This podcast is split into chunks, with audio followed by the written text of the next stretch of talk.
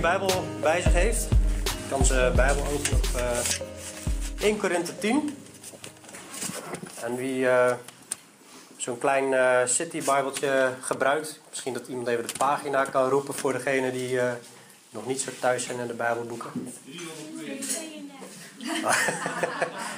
Dan ging het drie keer door elkaar, dat hebben we nog niet verstaan. 332. 332, oké. Okay.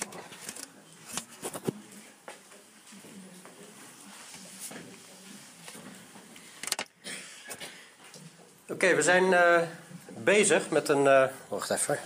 Even microfoon. We zijn bezig met een, een serie. En daar zijn we een tijdje mee bezig.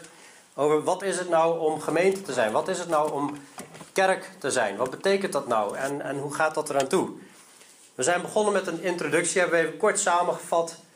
Nou ja, kort, een hele preek van wat, wat houdt het in? En nu bespreken we de eerste Korinthebrief. En daar was van alles en nog wat mis in die gemeente in Korinthe. Korinthe is een plaats in Zuid-Griekenland. En doordat van alles mis was, onderwijst de apostel Paulus hoe het dan wel moet. En vervolgens gaan we ook nog kijken naar de eerste Timotheusbrief, waar Paulus ook nog van alles en nog wat leert over de gemeente. We beginnen steeds met deze tekst. Het is het huis van God, zo heet deze gemeente ook. Dat komt uit 1 Timotheus 3 vers 15. Het huis van God, dat is de gemeente van de levende God. Niet een gemeente van de dode God, ook niet een gemeente van mensen. Het is de gemeente van de levende God. Dit heeft God ontworpen. Het is de zuil en fundament van de waarheid. Hier vinden we de absolute waarheid. Dat klinkt natuurlijk heel arrogant als dat zegt, maar Jezus is de weg, de waarheid en het leven. Hij heeft dat ook krachtig bewezen, dat hij God was en de, en de waarheid bracht, zeg maar. Dus hier staat de waarheid staat als een huis. Niet de leugen, maar de waarheid. En we bekijken de schrift en heel de schrift is door God ingegeven, is door God ingeademd. God is een God die niet liegen kan. Wat hebben we allemaal bekeken tot nu toe in de Korinthebrief? Dat we hebben gekeken de eerste vier hoofdstukken dat er geen verdeeldheid moet zijn. We moeten hecht en ingesmeed zijn. één van gevoel, één van denken. Geen verdeeldheid of voorkeur voor sprekers in de gemeente. Geen aardse wijsheid, geen filosofie, geen eigen visies. Nee, de wijsheid van God, het woord moet centraal staan. En we moeten niks bedenken boven hetgeen wat geschreven staat. Er moeten geen rechtszaken zijn tussen christenen. Denk je, ja, logisch, maar toch gebeurt het. Ook vandaag de dag nog steeds, helaas. Vlucht weg van hoererij. Hoererij, dat is alle seks buiten het huwelijk, voor het huwelijk. Uh, vlucht weg van zonde en verheerlijk God in je lichaam. Daar zijn we voor gemaakt, om God te verheerlijken in je lichaam en geest. We zijn duur gekocht door het bloed van Jezus. We hebben het gehad over het huwelijk, over ongehuwd zijn, over echtscheiding. Over dat we vrijheid hebben binnen de kaders die Jezus geeft, die het Nieuwe Testament geeft. We hebben bepaalde vrijheid. Bijvoorbeeld, we zijn vrij om offervlees te eten. Waarom? Omdat een, een, eh, een afgod niks is. Er is namelijk maar één God. Maar als het een struikelblok is voor een broeder die daar wel moeite mee heeft, dan moeten we dat niet doen. En zo heb je allemaal zaken waar we over na moeten denken. Je bent misschien soms wel vrij, maar je hoeft die vrijheid niet altijd op te eisen. Vooral niet als het een broeder laat struikelen, want dan zondig je. We hebben het gehad over financiële ondersteuning van arbeiders in het evangelie. En financiële ondersteuning van de gemeente. En dat we moeten rennen om te winnen. En dat uh, ja, Paulus laat zien dat hij zijn lichaam op een harde wijze oefent om het dienstbaar te maken voor het koninkrijk en om mensen te winnen voor het evangelie. Dat is even de achtergrond waar we tot nu toe mee bezig zijn. En dan komen we in 1 Korinthe 10. En dan gebruikt Paulus gebruikt het hele Oude Testament, eigenlijk het hele verhaal van Israël, als een voorbeeld. Als een waarschuwend voorbeeld. Zo heet de titel ook in de herziene statenvertaling. Israël, een waarschuwend voorbeeld. En dat is opmerkelijk als we, als we de Bijbel bekijken, je hebt het Oude Testament en het Nieuwe Testament. En het Oude Testament is bijna drie, drie kwart van de Bijbel. En wij zijn eh, de Bijbel in een jaar aan het lezen. We zitten nu in begin september en we zijn nog steeds bezig met het Oude Testament. En het Nieuwe Testament, vanaf dat Jezus komt, is in verhouding veel minder. En hij gaat uitleggen, deze dingen zijn voor ons opgeschreven als een voorbeeld. Dus het is belangrijk om dat Oude Testament te kennen. Hij begint namelijk met hoofdstuk 10, vers 1. Ik wil niet, broeders, dat u er geen weet van hebt dat onze vaderen allen onder de wolk waren en allen door de zee zijn gegaan. Nou, als Paulus zegt: Ik wil niet dat u er geen weet van hebt, dan bedoelt hij: Ik wil dat jullie het dus wel weten.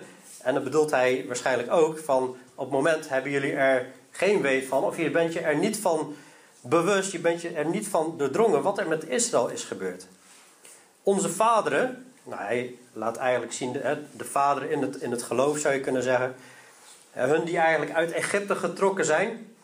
Ik weet niet of iedereen het verhaal kent, maar Israël was in slavernij in Egypte en er zijn daar tien zeer uitzonderlijke, bovennatuurlijke grote plagen geweest over Egypte. Waar ze gewoon, wat ze gewoon niet konden verstaan. En op een gegeven moment moesten ze het volk van God, Israël, moesten ze laten gaan tegen hun zin in. En toen heeft God ze uitgeleid. Overdag met een wolkenkolom en s'nachts met een, vuurkolom. Dat was een bovennatuurlijk verschijnsel. Ze zijn onder de wolk geweest. En ze zijn door de zee gegaan. Op een gegeven moment kwam het, uh, het, het, leger van de farao, het leger van Egypte, kwam ze toch achterna. En ze waren in benauwdheid en dachten, oh wat moeten we doen? En toen heeft God heeft een weg gebaand door de Rode Zee of door de Schelfzee. En zo is Israël er doorheen gegaan. Zo zijn ze ontsnapt. En allen waren onder die wolk. En vers 2 zegt hij, en, en dat allen in Mozes gedoopt zijn in de wolk en in de zee. Het is met name belangrijk om op te letten dat hij steeds heeft over allen waren onder de wolk. En allen zijn in Mozes gedoopt. Nou, we lezen nergens in het Oude Testament dat er een doopdienst was toen ze bij de Schelfzee was. Of dat ze daar iets hebben gedaan wat lijkt op de doop die wij nu hebben.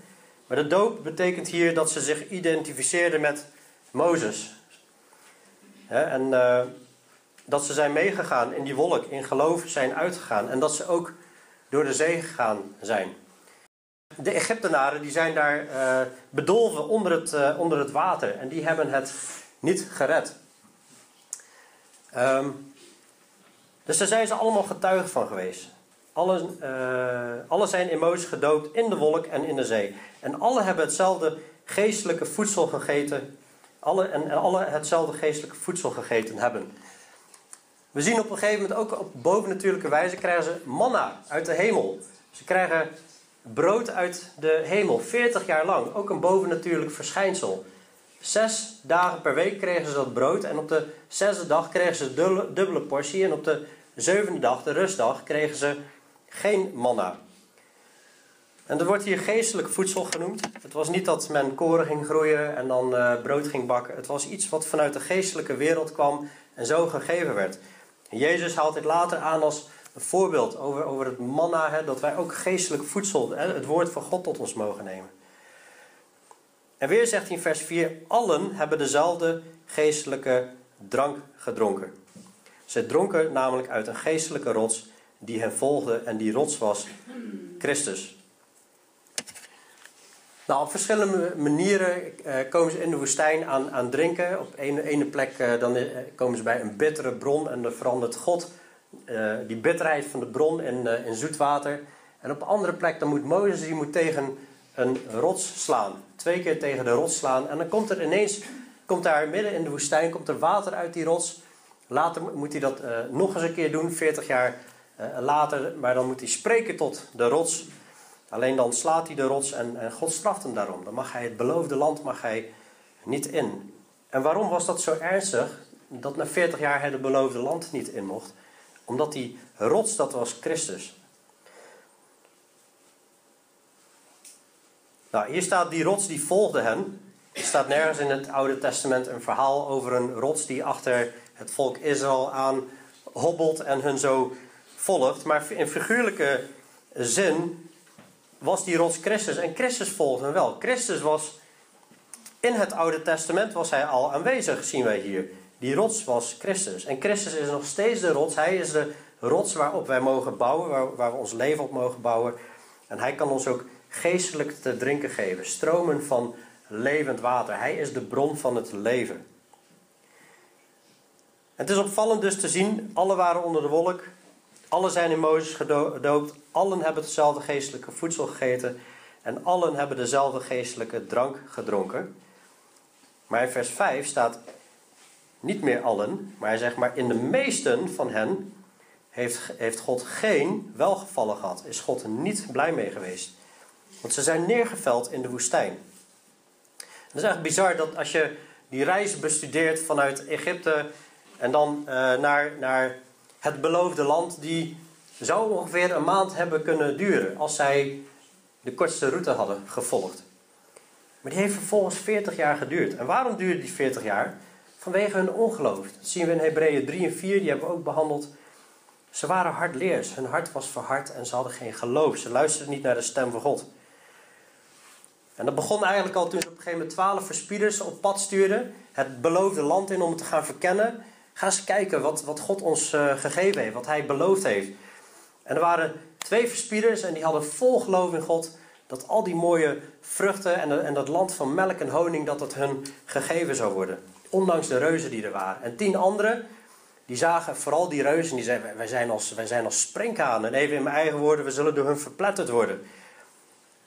En wie geloofde het volk? Het, het volk geloofde die tien in plaats van die twee. En die twee, dat waren Jozua en Caleb. En Jozua en Caleb zijn ook de enigen die het beloofde land hebben gehaald. De rest is allemaal, de meesten, de rest is allemaal neergeveld.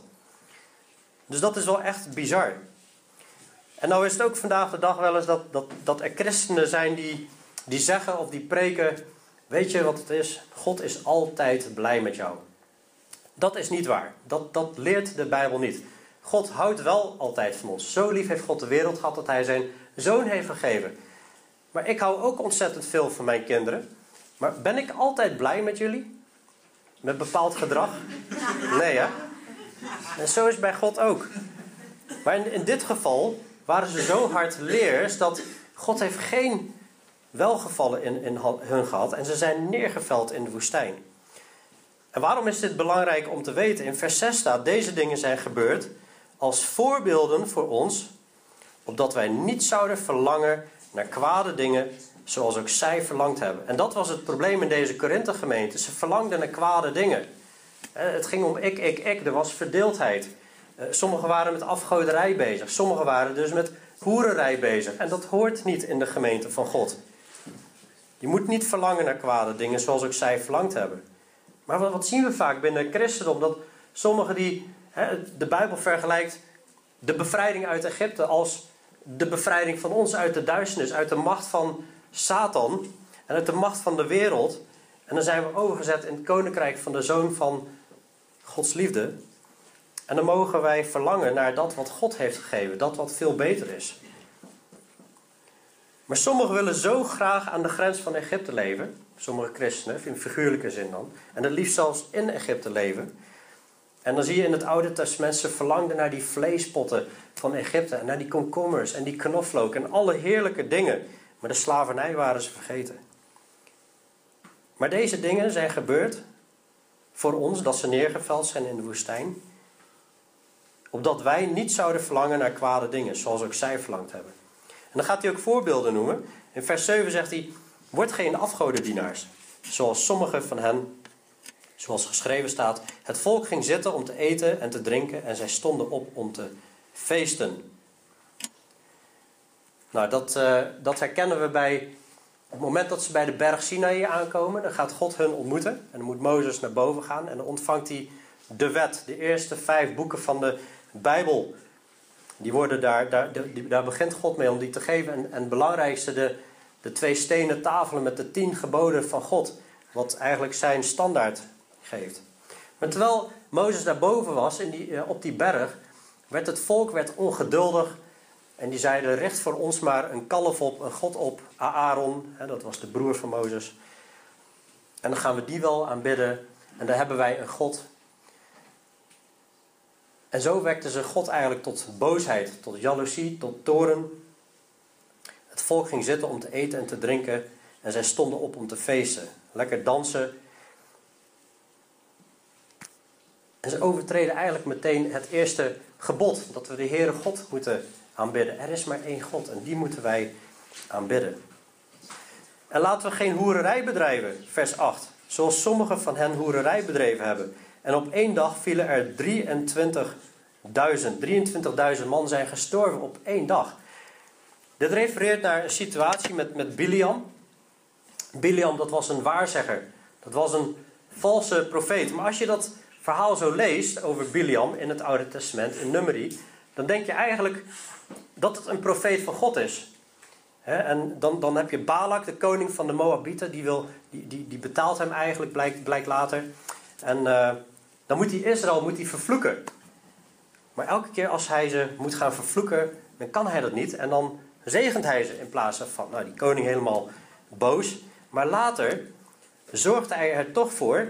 Op een of andere manier uh, laat hij de Israëlieten de mooie vrouwen zien of zo van de uh, Moabieten en de Midianieten. En, en die leiden ze misschien mee, we weten niet precies hoe het gegaan is. En, en laten de afgoderij zien. En ze vallen in hoererij. Ze bedrijven hoererij. En dus, eh, dus er is geslachtsgemeenschap, al die dingen, erop en eraan. Zoals sommigen van hen hoererij bedreven hebben. En op één dag vielen er 23.000 doden. Dat is best wel een heftig verhaal als je dat zo ziet. Maar God neemt dat heel serieus als wij ons inmengen met, met hoererij of met, met afgoderij. Sommigen denken dat hier een fout staat in de Bijbel, want in het Oude Testament staat 24.000 man. Uh, maar er is geen fout in de Bijbel. Er staat hier op één dag vielen er 23.000. Dus in totaal zijn er 24.000 gevallen.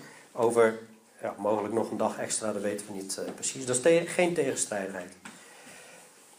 Dat is dus ernstig. Dat is ook geschreven voor ons als een voorbeeld. Dat we niet in hoererij vallen. Later haalt Jezus dit ook aan als hij zeven gemeentes in Azië aanspreekt. Dan spreekt hij zeven gemeentes aan en bij één zegt hij de leer van Biliam is bij jullie binnengekomen. Om te verleiden tot hoererij en afgoderij. Laten wij Christus niet verzoeken, zoals ook sommigen van hen hem verzocht hebben en door de slangen omgekomen zijn. Is weer een bewijs dat Christus, voordat hij in het vlees gekomen is, aanwezig was in het Oude Testament.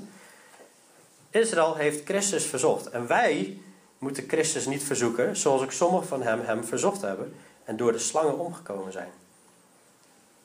En eigenlijk wil hij zeggen dat de Corinthiërs, die zijn hem aan het verzoeken. Die, die zijn met dingen bezig en waarmee ze Christus aan het verzoeken zijn.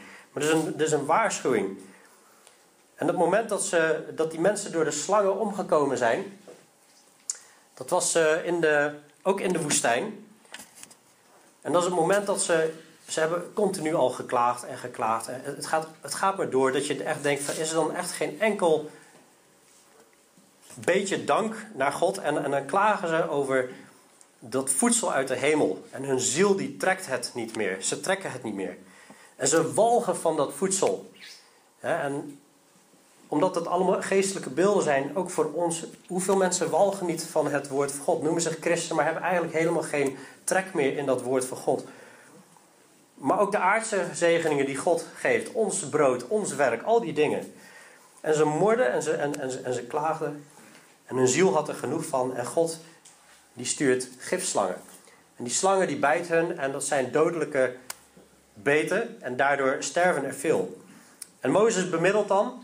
En dan moet Mozes moet een, een slang oprichten. Een koperen slang. En als de mensen die gebeten zijn dan naar die slang kijken.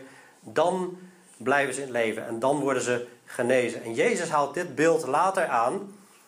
Zo moet ik ook verhoogd worden. Zo moet ik ook uh, verhoogd worden. En iedereen die dan in hem gelooft, wij zijn ook allemaal door die slang gebeten. Door de Satan, door het gif van de slang dat zit in ons, die zonde. Daardoor zijn wij eigenlijk gebeten. En, en, en, en de dood is ingetreden. Sowieso, als eerste instantie sterven we allemaal in het lichaam van vlees en bloed. Maar daarna is er nog die eeuwige dood, die poel van vuur. En, en dat, is, dat is een beeld dat Jezus gestorven is en, en wij daarvan gered worden, van die slangenbeet als Maar in dit geval zijn ze omgekomen door die slangen. Maar God die gaf een uitkomst. En klaag niet, mor niet. Vers 10. Zoals sommigen van hen gemoord hebben en omgekomen zijn door de verderver. Nou, er zijn meerdere situaties waar ze klaagden en waar mensen stierven. Maar een van de belangrijkste een, van de meest typerende, dat is toch wel de opstand van bepaalde leiders onder het volk. Dat was Korach, Datan en Abiram. Waar op een gegeven moment ze in opstand kwamen. Ze niet tevreden waren met hun positie. Het waren levieten en die wilden eigenlijk ook wel priesterschap. Die zeiden, Mozes, je trekt te veel naar je toe.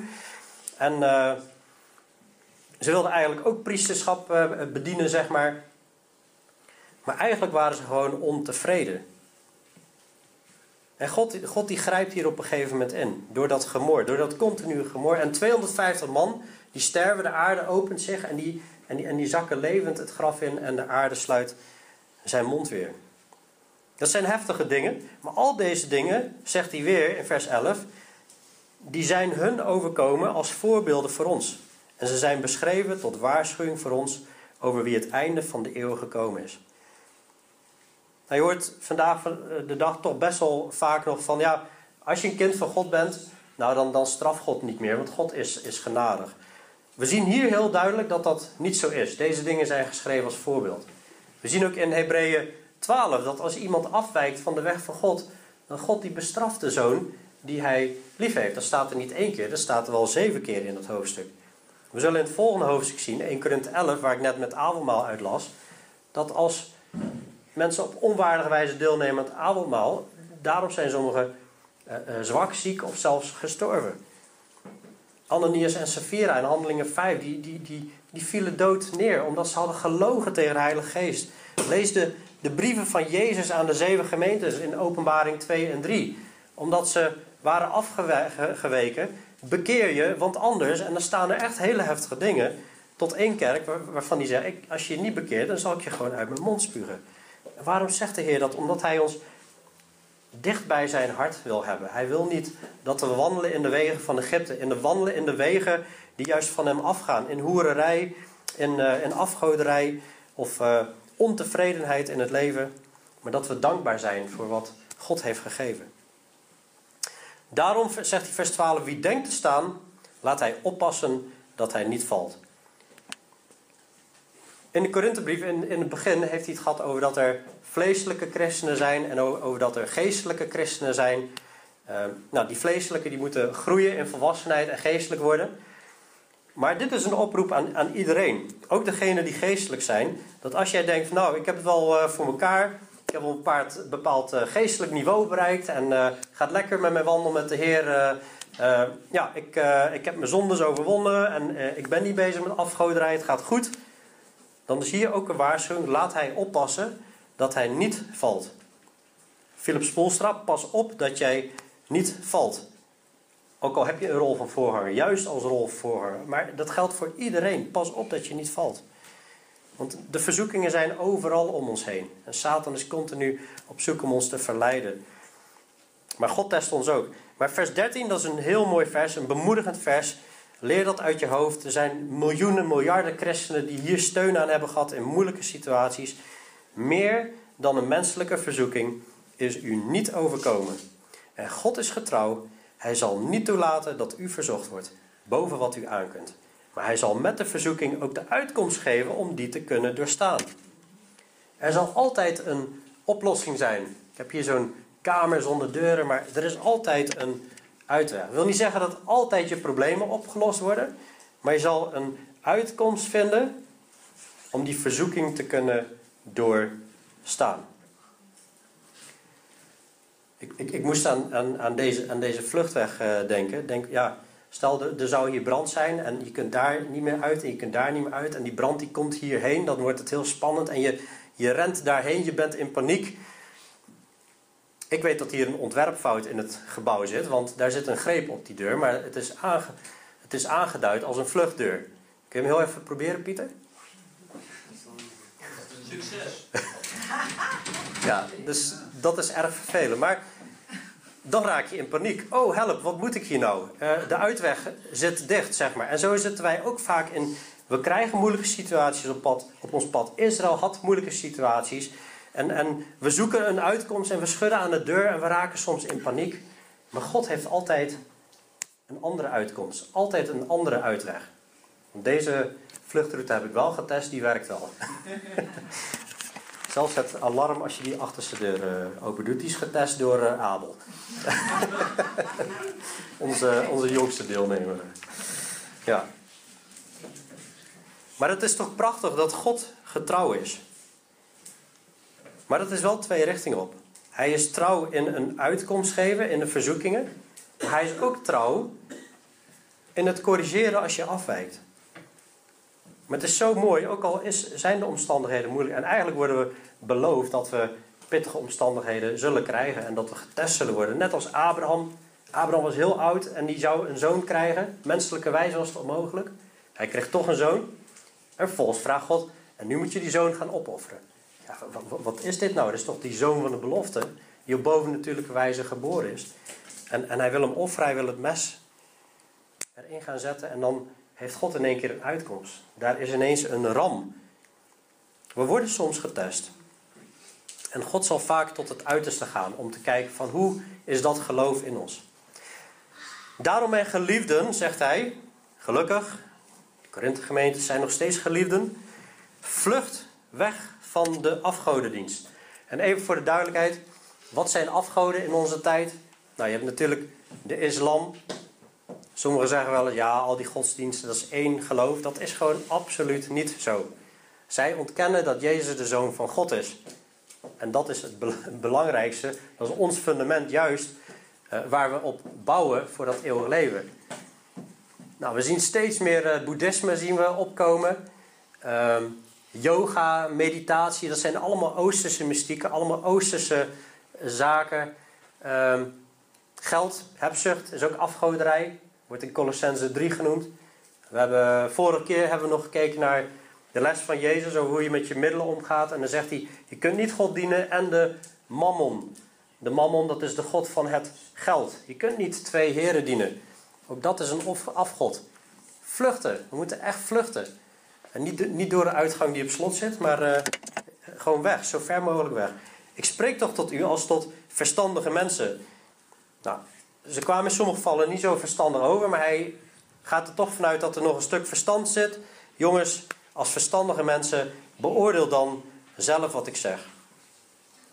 En dan gaat hij eigenlijk, springt hij over op het avondmaal, wat we vanmorgen ook gehad hebben. En dan zegt hij de drinkbeker van de dankzegging die wij met dankzegging zegenen. Dat is iets waar we voor danken. Is die niet de gemeenschap met het bloed van Christus? En het brood dat wij breken, is dat niet de gemeenschap met het lichaam van Christus? Die beker is niet magisch, dat brood is ook niet magisch. Dat als wij daarvan nemen, dat wij in één keer het eeuwig leven ontvangen. Maar het is wel gemeenschap met het bloed van Christus, omdat wij geloven dat het bloed van Christus ons reinigt van alle zonde. En dan neem je aan, aan deel omdat je dat gelooft. Daarom heb je deel en gemeenschap met het bloed van Christus. En het brood dat wij breken, is dat niet de gemeenschap met het lichaam van Christus? Jezus' lichaam is gebroken voor ons, zodat wij onderdeel kunnen worden van het lichaam van Christus. Vers 17, omdat het brood één is, zijn wij, die velen zijn, één lichaam. Want wij allen hebben deel aan het ene brood. Dus op het moment dat wij deelnemen het avondmaal, identificeren wij ons met Christus en met zijn lichaam. Het is één brood.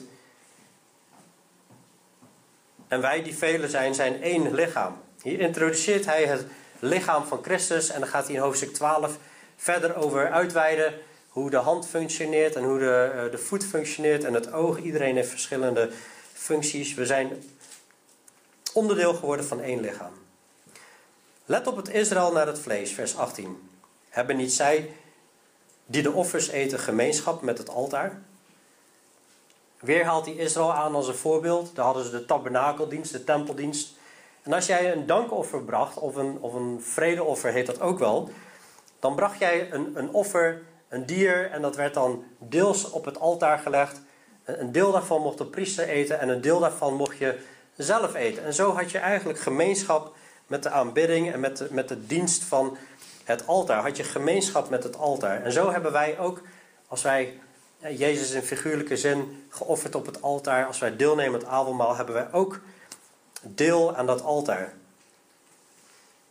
Maar goed, hij begon met die afgodendienst en dan komt hij op terug, vers 19. Wat zeg ik hiermee dan? Dat een afgod iets is? Of dat een afgodenoffer iets is?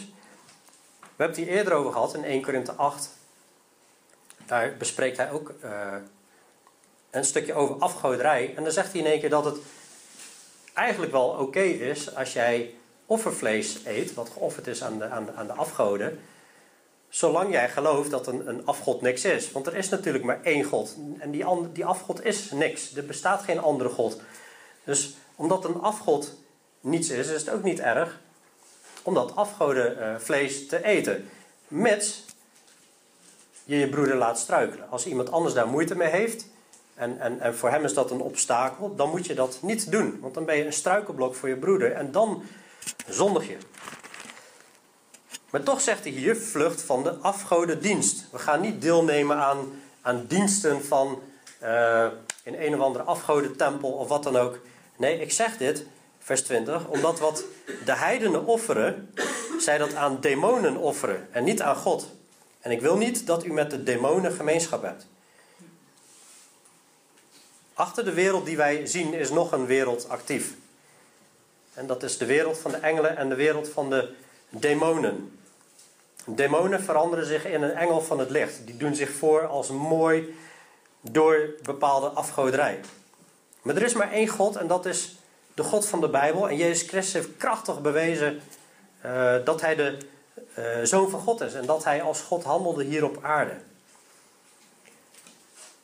Hij wil niet dat wij gemeenschap hebben met afgodendienst.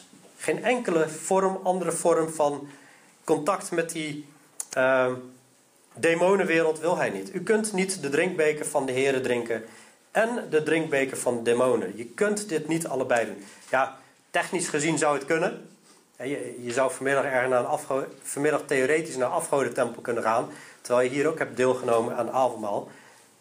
Maar geestelijk gezien kan dat natuurlijk niet. Dat dat is inconsistent. U kunt niet de drinkbeker van de heren drinken en de drinkbeker van de demonen. U kunt niet deel hebben aan de tafel van de heren en aan de tafel van de demonen. Of de, of de tafel van de mammon, of uh, noem ze maar op. En Satan heeft elke keer heeft hij weer wat anders. Ik heb thuis een, een boek, Het Domein van de Slang, geschreven door Willem Ouweneel. Dat is al volgens mij 30 jaar oud. Heb je allemaal geestelijke stromingen. Nou, tegenwoordig zijn er allemaal nieuwe stromingen. Ik heb nu weer een, nieuwe lexicon met 250 occulte stromingen in Nederland. Allemaal van, uh, uh, ja, van, van, van, yoga tot en met uh, hekserij, tot en met, noem het maar allemaal op. Dat is allemaal nog actief in Nederland. Wegwezen, vluchten. Of willen wij de heren tot jaloersheid verwekken?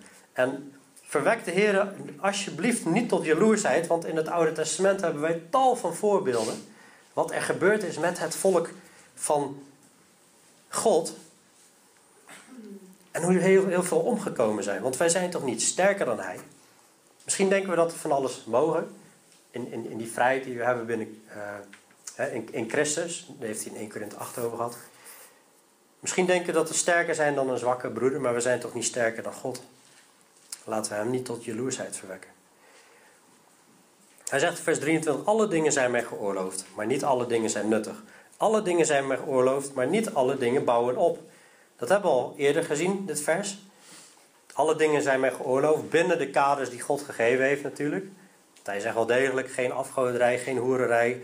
En het, het, het moeten wel de morele wetten van de Heer volgen en wat God gebiedt in het Nieuwe Testament.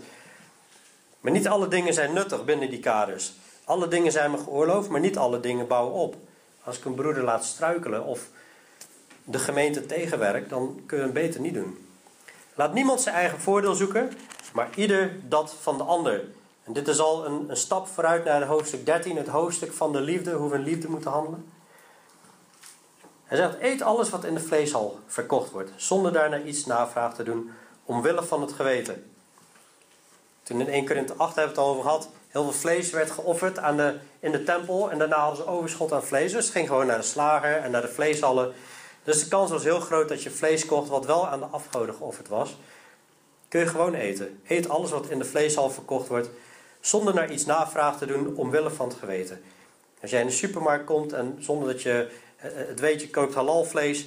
Wat ook aan, aan uh, Allah gewijd is ze, spreken uit, Allah is, is, is groot en slachten uh, dier met gezicht naar Mekka en de slachter ook naar Mekka.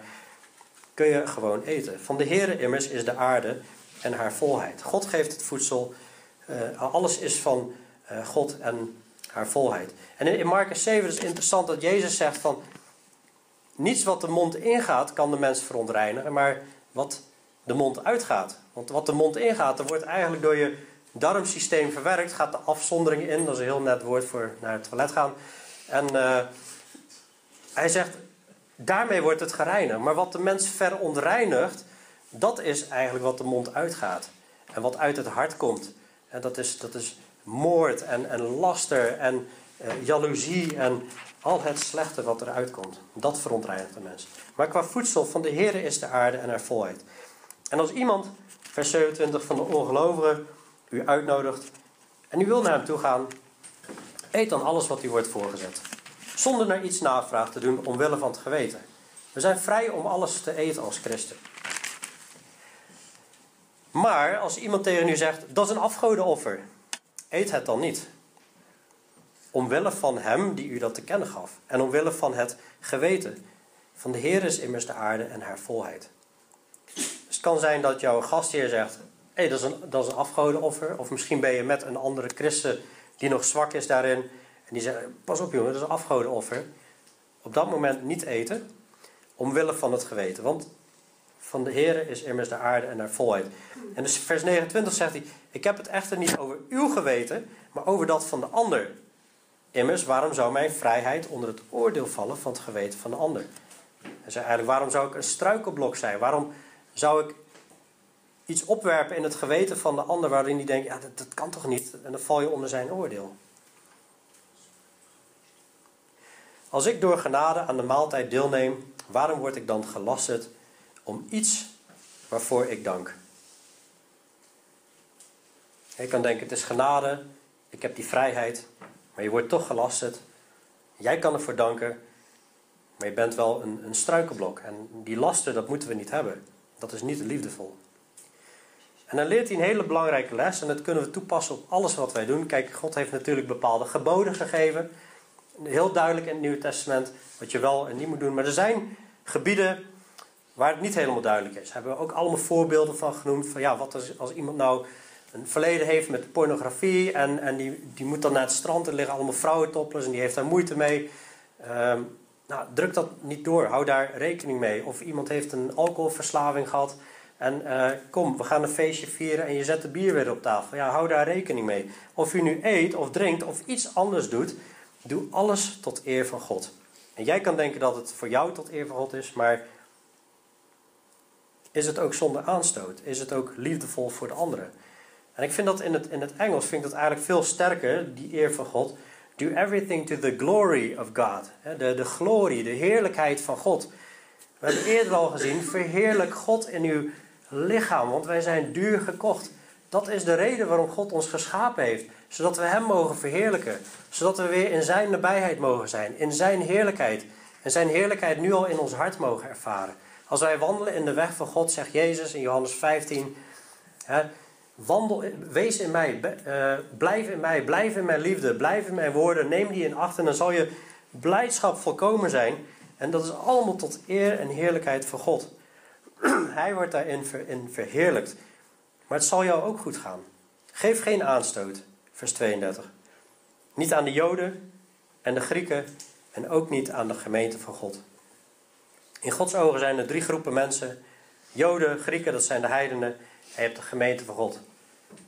De gemeente van God is nu nog op aarde, maar die wordt over niet al te lange tijd, geloof ik, wordt die opgenomen, weggehaald hier. En dan blijven de Joden en de Grieken achter en God gaat weer een plan opzetten met de Joden, met Israël.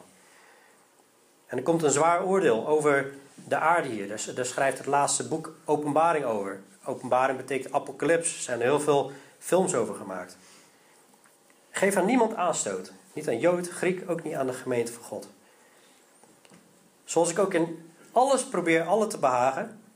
Door niet mijn eigen voordeel te zoeken, maar dat van velen opdat zij behouden worden.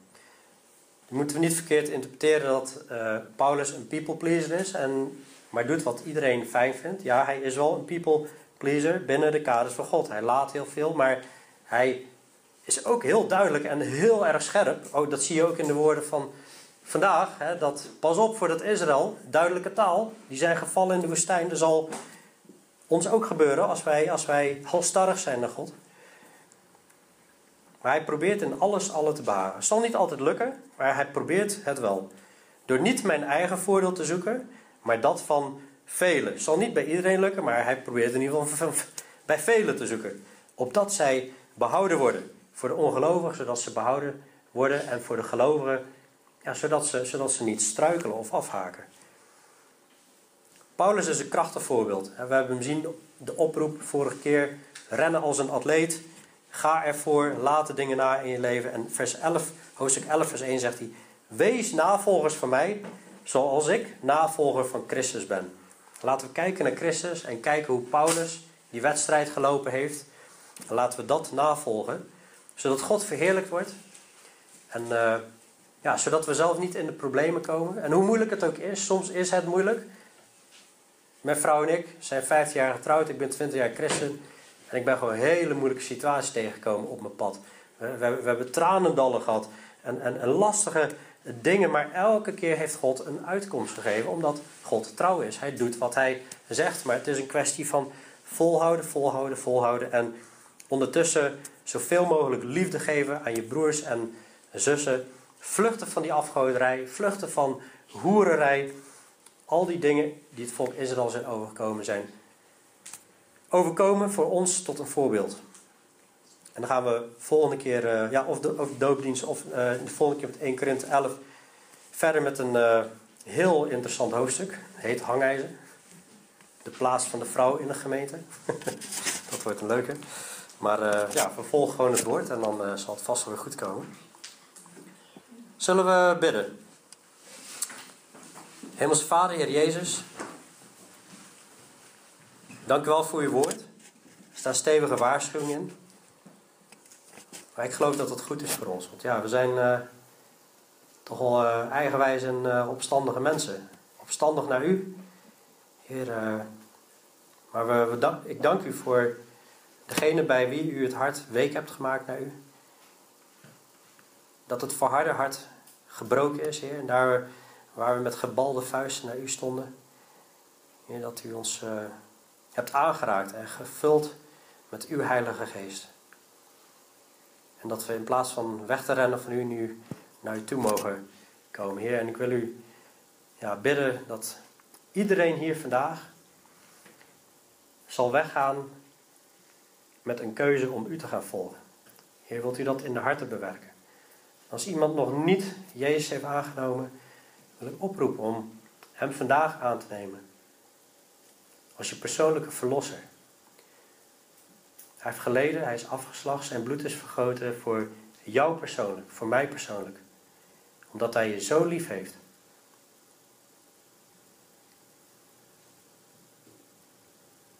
En hij wil zijn liefde in je hart uitstorten. En als je al met Jezus wandelt, open je hart voor hem. Zeg, Heer Jezus, hier ben ik. U hebt mij geschapen. Ik wil u weer ten volle volgen. Ik wil u gaan behagen in mijn leven. En misschien zijn er dingen in ons leven die binnengeslopen zijn en waarvan moeten vluchten. Laten we ons daarvan bekeren, zodat God alle eer krijgt. Laten we gemeenschap hebben aan de tafel van de Heer, aan, aan, aan het avondmaal en de gemeenschap met zijn bloed en zijn lichaam. En niet gemeenschap met andere zaken in de wereld. Heer, help ons, geef ons kracht en als we in moeilijke situaties zitten, help ons om u belooft in die verzoeking ook de uitkomst te geven, zodat wij ze kunnen verdragen. Open onze ogen, zodat we zien waar die uitweg is.